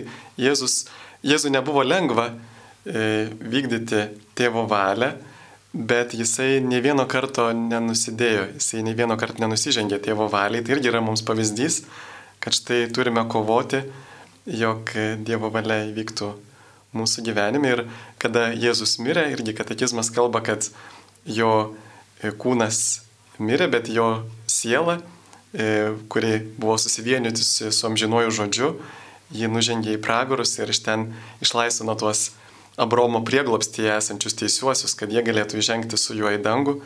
Taigi, e, na tai yra aiškus lepinys, bet e, ką to norima pasakyti, kad e, Jėzus yra visiškai tikras, pilnas, tikras žmogus, bet kartu ir tikras Dievas. Ir, ir tokiu būdu jis galėjo mus tik tai atpirkti, pats būdamas tikrų žmogumi, nes jeigu jis būtų tik tai Dievas, jisai nebūtų galėjęs būti tarpininku tarp Dievo ir žmonių, nebūtų galėjęs mūsų atpirkti, mes dabar galim su juo kalbėtis, gali, jisai gali mūsų suprasti, mes negalim jo kaltinti, kad tu ten sėdi danguje šiltai ir mūsų nesupranti, kaip mes čia vargstame žemėje. Tai turime skambutį. Marija iš Vilniaus. Taip, Marija, klausome. Garbėjas Vikristai, aš labai laiminga, kad mažo, tai yra Marijos radijas arčiau Vilniaus ir pakvietėte tėvą Antaną pokalbiui, kadangi jis dalyvauja dažnai mažoje studijoje, Juliaus Sasnausko laidose mažoji studija popiežius ir pasaulis, sakyčiau, kad irgi labai labai tokia laida, sakyčiau, net irgi išprus, nu, išprusimų tokio daug gali visi klausyti ir, ir, ir tikintys, ir netikintis, ir daug ką sužino, ypatingai taip labai labai gražiai, kaip nenukrypstant į kažkokius sentimentus. Toliau. Dėkuoju dar kartą atsinaujinusiai atsinaudinusiai Marijos radijui. Toliau dar norėčiau paklausti apie savižudybę, kadangi aš dabar jaudinos, kadangi mano šeimoje nukentėjo labai, kadangi mano močiutė neteko, Sibirė buvo du, paskui tas mylimiausias sūnus, kuris Vilniaus mokėsi ir tai gėdojo ir katedroje jisai, reiškia, 33 metų pats nusižudė su savo draugu. Jie nusižudė todėl, kad jie, kai grįžo į savo gimtinę, kadangi jie patarnavo policijoje, kad močiutė nereiktų tiek numokėti daug už mokslą, nes ją, ją vyras iš Amerikos grįžęs iš Eidgalos numerį paliko su keturiais vaikais. Ir tada jie, kadangi grįžo į tą savo gimtinę, ten alėjai, kažkur tai buvo, jo, tas, ir jie ėjo per, per mišką Na ir paskui apsupotas tie stribai, ar kaip jie vadinosi. Ir tada jis nešė savo draugą pašautą ir kraujo lašai buvo ir jie lindo į tą, kaip vadinosi, bunkerį, ar ne. Ir tada jie pajuto ryte, kad ateina stribai šitie, kadangi jie buvo tokio įsilavinimo, o aš laiškus jau turiu kryžių kalnę visur, tos laiškus aš pati skaitau, verkiu ir kam paskaitau. Ir negi stribai, kai rado tą laišką, paskui mučiutės krūtinės pasakė, matuška, tu, tu beregi, reiškia, net tai bus parašyta nuostabiai. Su, su, su motinos diena. Tai ką noriu pasakyti, ir juodu tada įėjo tą, kai pajuto, kai ateina tie stribai, jie turėjo tos brauninkus, kadangi jie patarnavo mokėsi ir kad, nu, pinigėlių. Ir šovėsi savo įsimilkinius. Ir numetė juos ant grindinio. Ir ten vienas pažino pagal drabužius. Ir, ir nežinom, kur jie palaidoti. Sesuo labai tokia mokėjo viską daryti, dabar amžinatelis jos nėra. Jis dėjo daug pastangų juos surasti ir nesurado. Bet aš dabar galvoju, tokie gražus ir Sibiro tetos rašyti laiškai aš turiu. Taip, ačiū, gerai supratom, taip. Sūnaus Petro, ir vat, šitie dalykai, juk daug buvo tų žmonių, kurie mirė dėl idėjos, dėl tėvynės. Tai aš nemanyčiau, kad Dievas turėjo juos, nu kaip, nes jie labai mylėjo Dievą patį. Taip, ačiū už Jūsų klausimą. Būna, kad partizanai nusižudė, kad neišduotų kitų.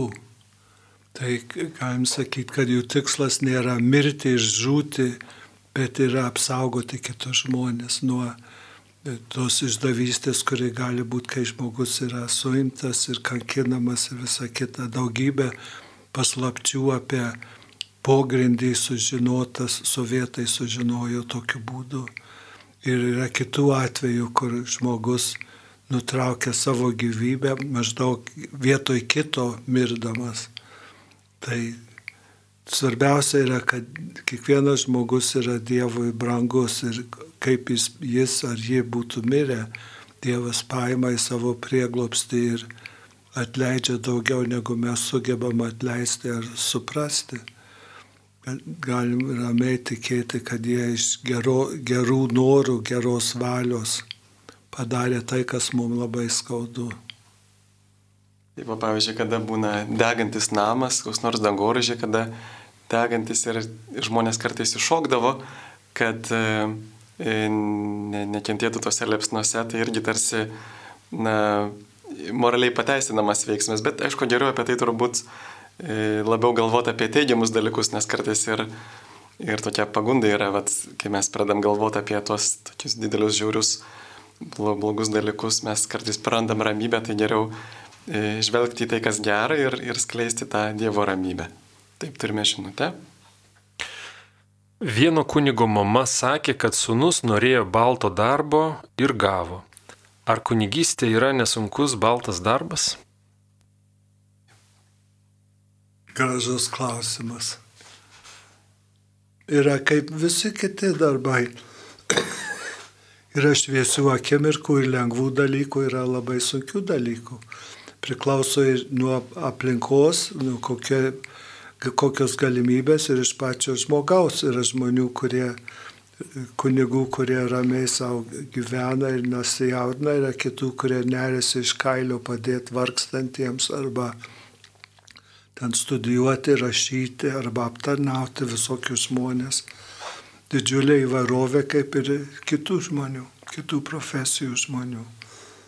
Taip ir pavyzdžiui, jeigu palygintume psichologo darbą, net e, psichologai turi tam tikrą limitą irgi, kiek daugiausia gali žmonių išklausyti, kalbėtis, nes e, tai tikrai labai nuvargina.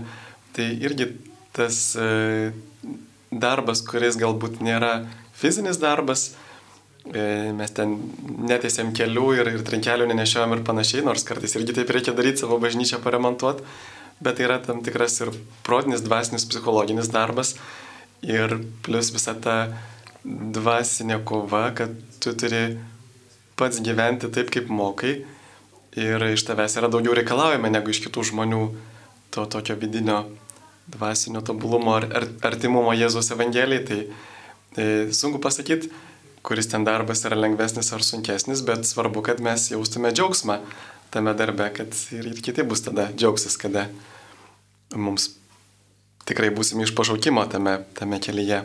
Turime skambutį. Paskambino Bernadeta iš Vilniaus.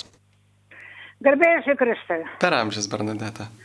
Taip, tokių yra reikaliukų Marijos radijoje, dalėdžiam tokių pastebėjimų, sakyčiau, dar gal ir pasiūlymas bus. Kada vat, kalba daug žmonių, kad ir nedaug, vat, nutolsta nuo mikrofono ir dar kiek pastebėjau, kad ir kunigas kitą kartą, jis kalba, bet kažkur ne į mikrofoną ir nesigirdi, ir su rožiniu tas pats atsitinka. Ar tai negalėtų, daleidžiam, jeigu daugiau vat, ir žmonių, yra dabargi prisigamieji va šitie mikrofonai, tai jis galėtų ar galvą kraipyti ir nuo to mikrofono, kaip sako, gali atsitolinti, bet tai garsas būtų tas pats, o dabar tai va daug kartų dabar aš jau stebiu, tai kalbėjo, kalbėjo, kalbėjo, nuo tolo, nuo tolo, ką jis ten kalba, vienas dievas žino. Antras pastebėjimas, o tai nuplaukė mirtis, kad norėjau pasakyti dar. Ai, dar vienas va, pastebėjimas, kodėl daleidžiam rytiniai varpai. Žmogus klauso dar žmonė mėgant. Kalba, kai viena kaip kalba žmogus, nu, tai tada vienas garsas, o jeigu jau paleido varpus ar dar vat kažką tai daug didesnis. Tai kad ten aparatūra nerodom kokio turėtų vat kitos stotys daleidžiam ar dainuoja ar kalba vienodas garsas. O čia jisai šokinėjantis jeigu kalba vienas tonas jeigu jau paleidau tarpinę muzikėlę jau visai kitas tonas va du tokie pastebėjimai nežinau pakomentuokit bet labai žinokit klausyti nesmagu ir nemalonu kai va taip šokinėja viskas Taip, labai ačiū už, už gerus pastebėjimus. Stengsimės, stengiamės tikrai šitą problemą išspręsti, ją žinome ir bandome po truputį, bet kadangi labai daug yra tokių darbų, kur labai laiko imlus technikui mūsų, tai kartais reikia šiek tiek palaukti. Tai va prašom šiek tiek kantrybės, bet ačiū, kad pastebėt. Kitas klausimas SMS žinutė. Jei pasako daktarai, kad vaikas gims neįgalus ir rekomenduoja abortą, kodėl bažnyčia tokiems užkrauna nuodėmės naštą? Juk aiškiai regime, kad Dievas tikrai nepadės neįgaliam vaikeliui ir tėvams visą gyvenimą reiks vargelį vargt.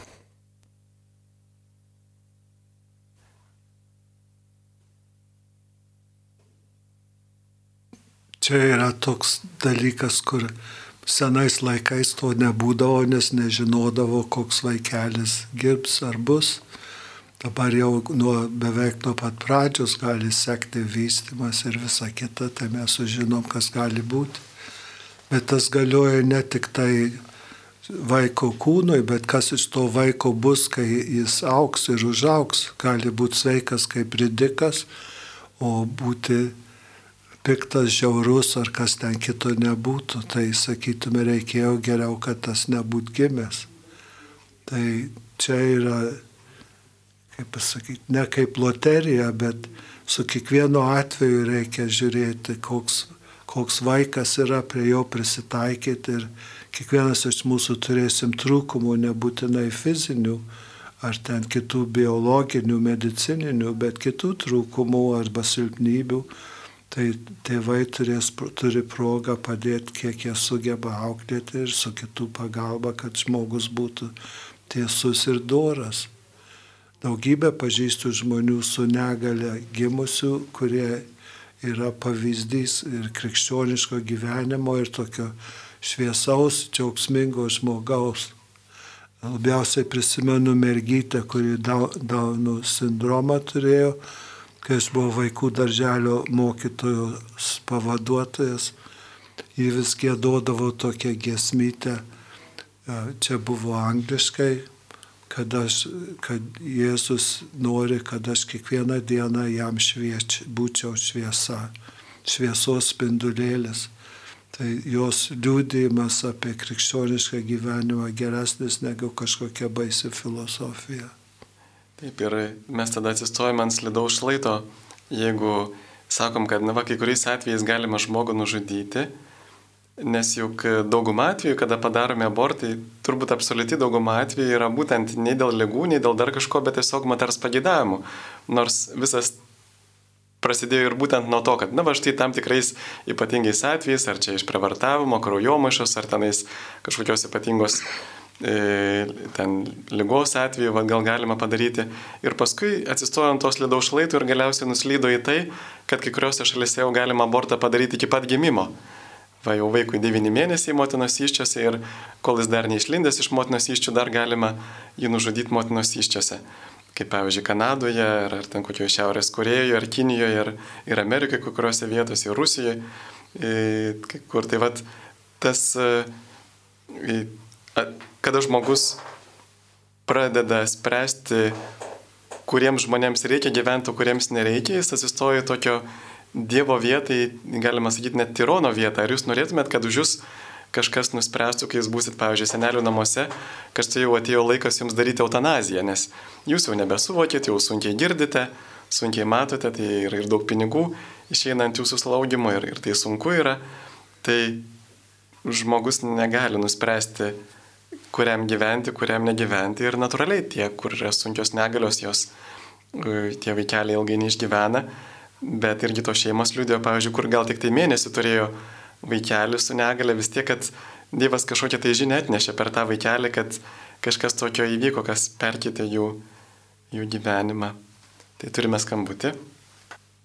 Zenius paskambino iš Panevežio rajono Ramygolas. Taip. Klausėme jūsų. Garbėjai Kristui. Per amžius. Norėjau sužinoti, kaip Skemonyse apie 60 metus buvo Marijos apsireiškimas. Kaip dabar tenajus yra kas nors ar ne? nieko nebegirdėta apie tą vietą. Ačiū, taip. Na, yra į bažnyčią toje vietoje pastatyta, bet e, kiek teko girdėti, kol kas e, mes nežinome apie tuos dalykus. gal kai kuriuose vietose, žinot, nedaug yra ir, nedaug yra ir tų liūdėjimų. Ir yra sunku kažką tai įrodyti, tai tikrai gali tai būti kaip maldos vieta. Bet, e, va, pavyzdžiui, iš Marijos apsiriškimų net yra praneša apie 2,5 tūkstančio pasaulyje. E, dalis, dal, dalį jų paskelbė bažnyčia, kad jie yra apgaulingi, kad ten yra visai neaiškus dalykai, o dalį tiesiog nieko nepasakė ir žmonės gali ten vykti, melstis, bet e, tiesiog nėra pakankamai domenų, kad galėtų kažką įrodyti apie antgamtiškumą tų įvykių. Turime žinutę. Jėzus Kristus buvo dievybė. Trejybė, kodėl jam reikėjo melstis į patį save. Dievas sunus meldžiasi į Dievą tėvą, nors jie lygiareikšmiai. Taip pat tėvas meldžiasi į sūnų, nes gal be maldų vienas į kitą pagalbos negali daryti stebuklų ir kurti visatos. Čia malda prileidžiama, kad malda yra koks nors prašymas, ar ne? O malda yra bendravimo būdas, e, kaip pokalbis arba jaus, jausmas dalyjamas tarp dviejų ar kiek žmonių. Taip. Aš atsiprašau dar, e, pamiršau paminėti prieš tai esančiame klausime apie būtent tą e, diagnostiką, kada žmonėms pasakoma, kad vaikai gims e, su negale, tai tikrai va tokia liūdimą turiu, kur mano vienai pažįstamai buvo sakoma, kad štai tavo vaikelis bus nesveikas, padaryk abortą ir moteris nesutiko ir gimė visiškai sveikas vaikas. Tai iš tiesų visa tai, kas yra genetinė diagnostika, yra tik tai tikimybės. Niekad nėra šimtaprocentinis e, žinojimas, kad vaikas turės vieną ar kitą e, kažkokią genetinę lygą. Taip ir dar turime žinučių. Rita klausia, popiežius Pranciškus kalba, kad bažnyčią reikia priartinti prie tikinčiųjų. Gal galite plačiau pakomentuoti? Nu, tikintieji, aš įsivaizduoju, yra žmonės, kurie dalyvauja bažnyčioje, lanko bažnyčią, domisi, seka ir taip toliau.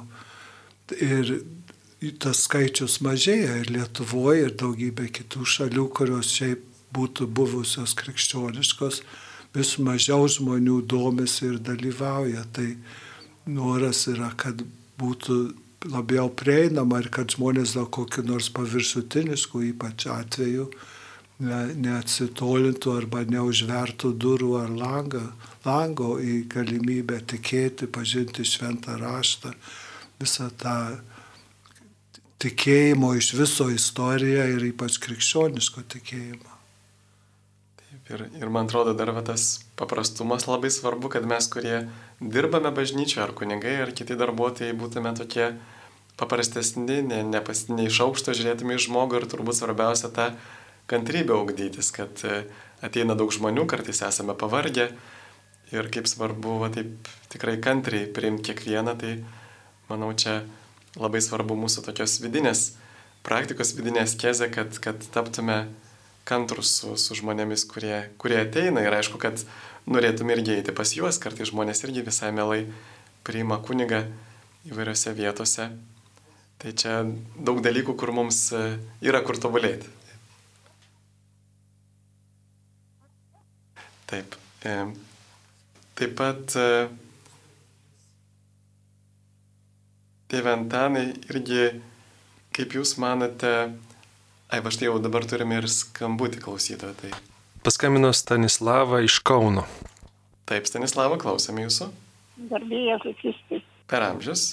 Aš noriu paklausti, gal jūs žinot, kas yra Stasi Rudelevičiūtė. Jis rašo tikėjimo temum į, į savaitės žurnalą. Ai, nežinot apie ją nieko. Taip, na, Aš ją asmeniškai nepažįstu.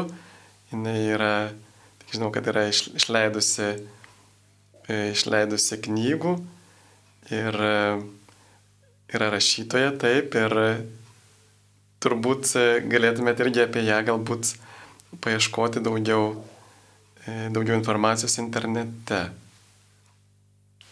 Taip. Turime žinučių. Garbėsiu Kristui, man 77 metai. Kaip kovoti prieš nusiminimą? Draugų neturiu, su artimaisiais nerandu bendros kalbos. paprastai sakoma, kad mes senukai ištiestume ranką kitiems.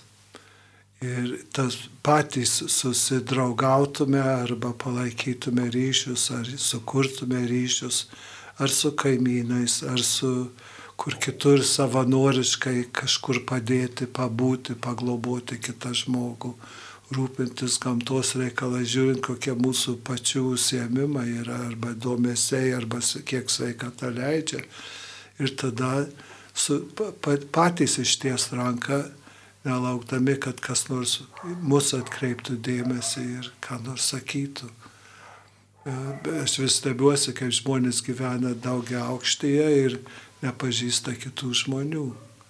O galima visiems taip susipažinti, kad būtų kaip kaimas tiesiog visa šeima, kur viens kitą pažįsta ir viens kitam talkina. Tai aš man atrodo, toks receptas būtų išties ranką kitiems.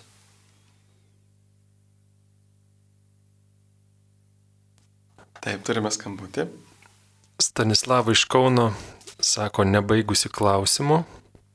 Taip, taip, aš nebaigiau klausimą apie Tasę Rudalavičiūtę, jinai parašysi straipsnį į, į savaitės žurnalą apie šventąjį Porfirijų graikų šventą jisai paskelbtas šventuoju 13 metais. Tai mūsų laikų šventasis, bet nuostabus straipsnis. Aš linkiu jums paskaityti. Rugsėjo 21 pirmą savaitės žurnalas.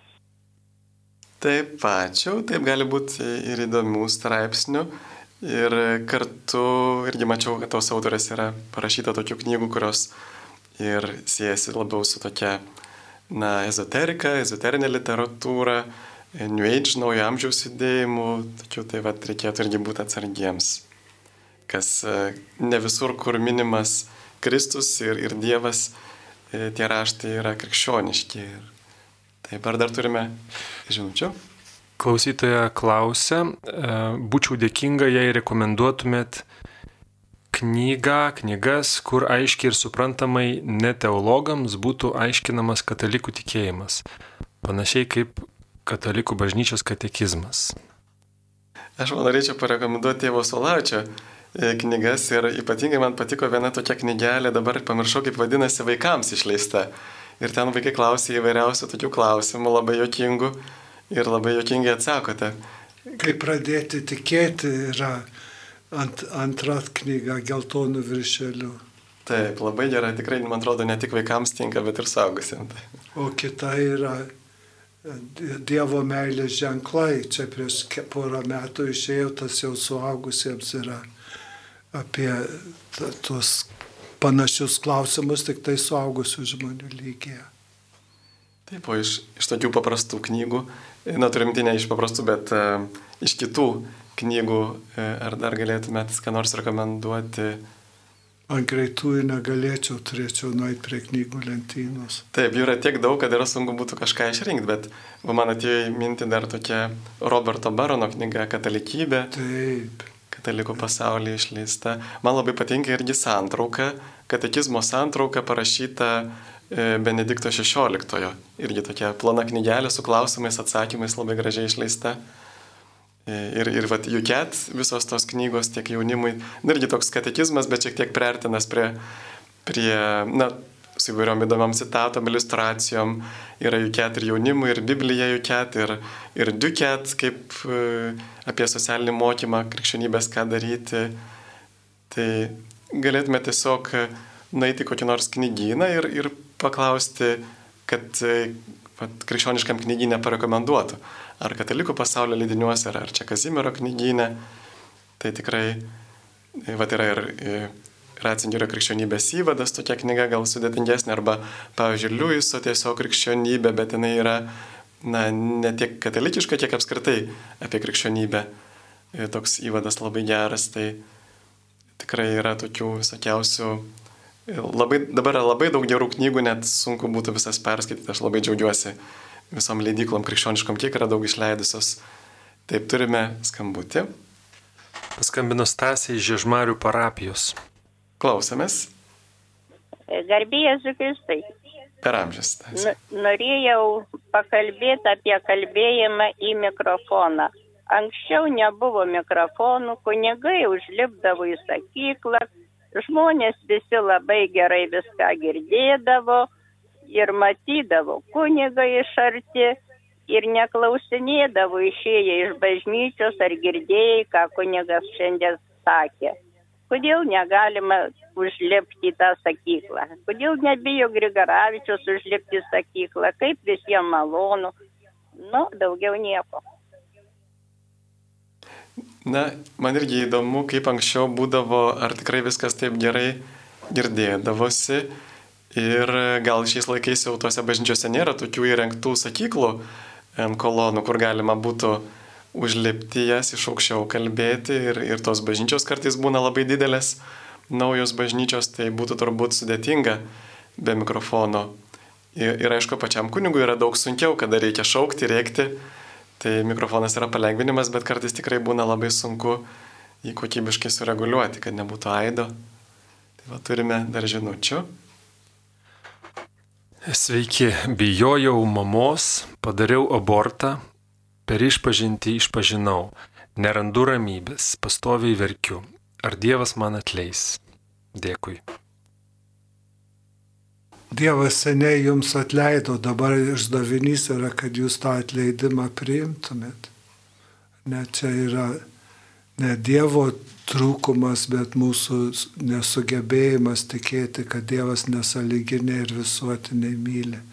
Ir labai suprantama, kad dėl to vaikelio netekties jums širdį skauda ir tada visada savo širdį galim su Dievu kalbėti ir saky, parašyti, kad gydytų jūsų tą skausmą, palengvintų, surastų būdą savo padėti.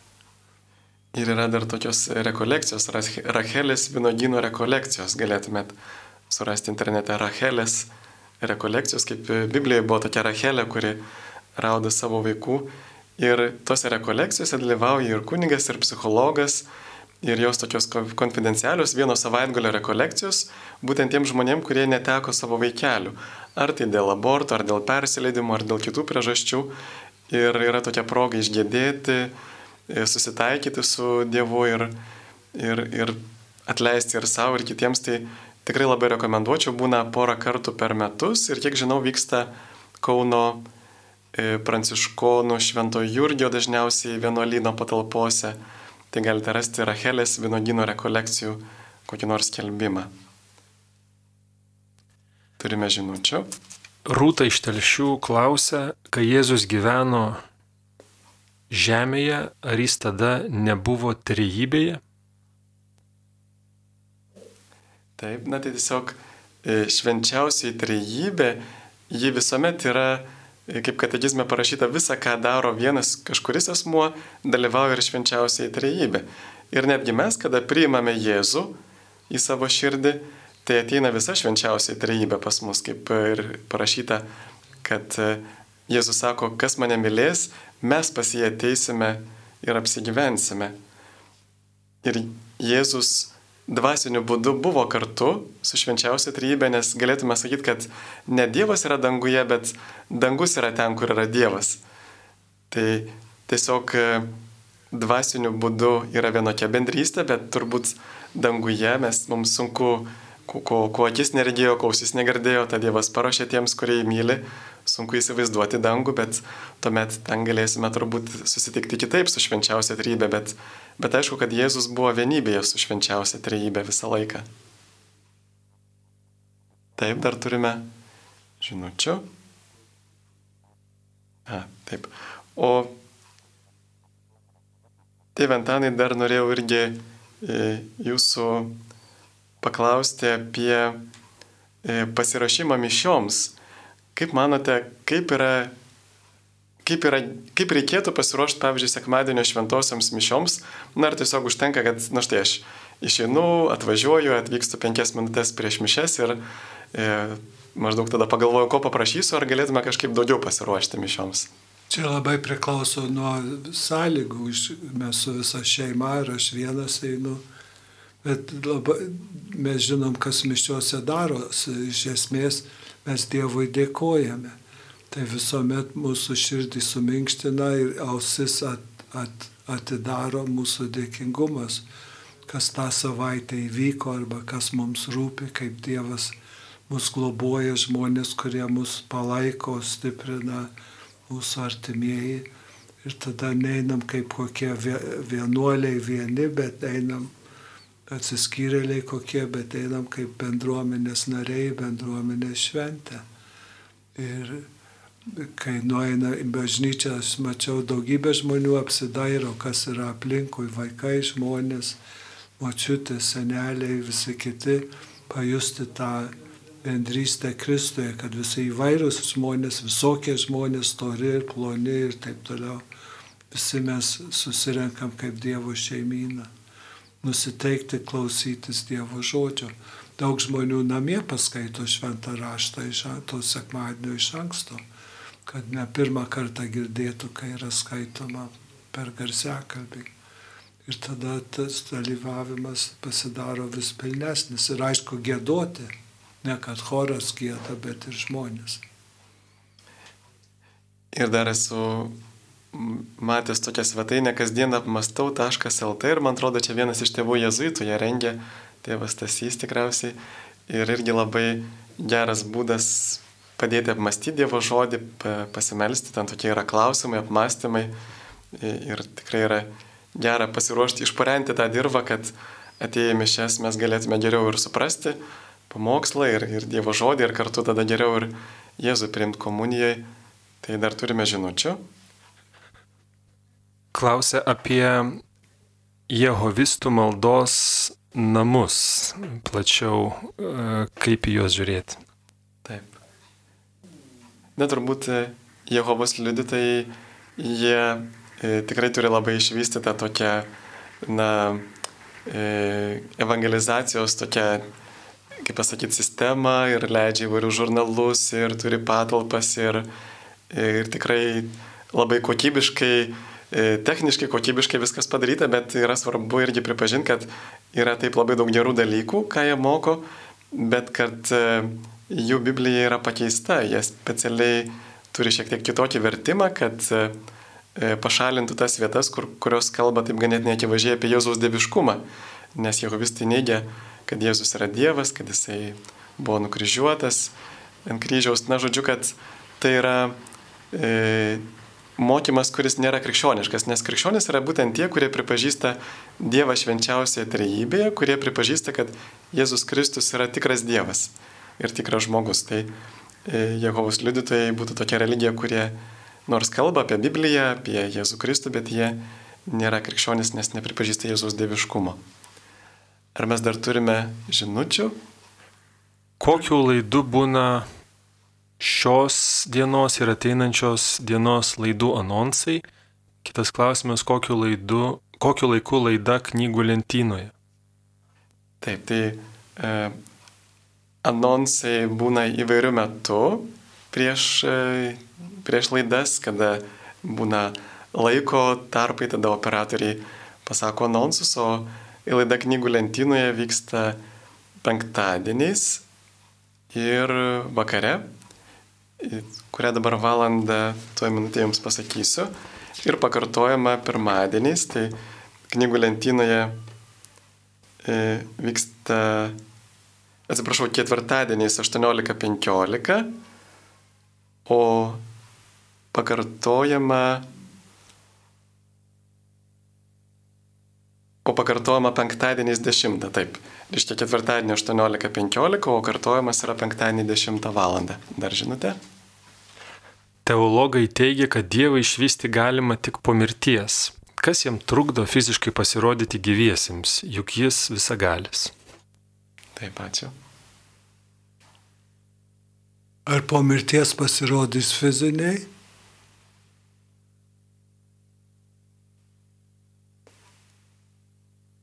juk jis tą ir padarė.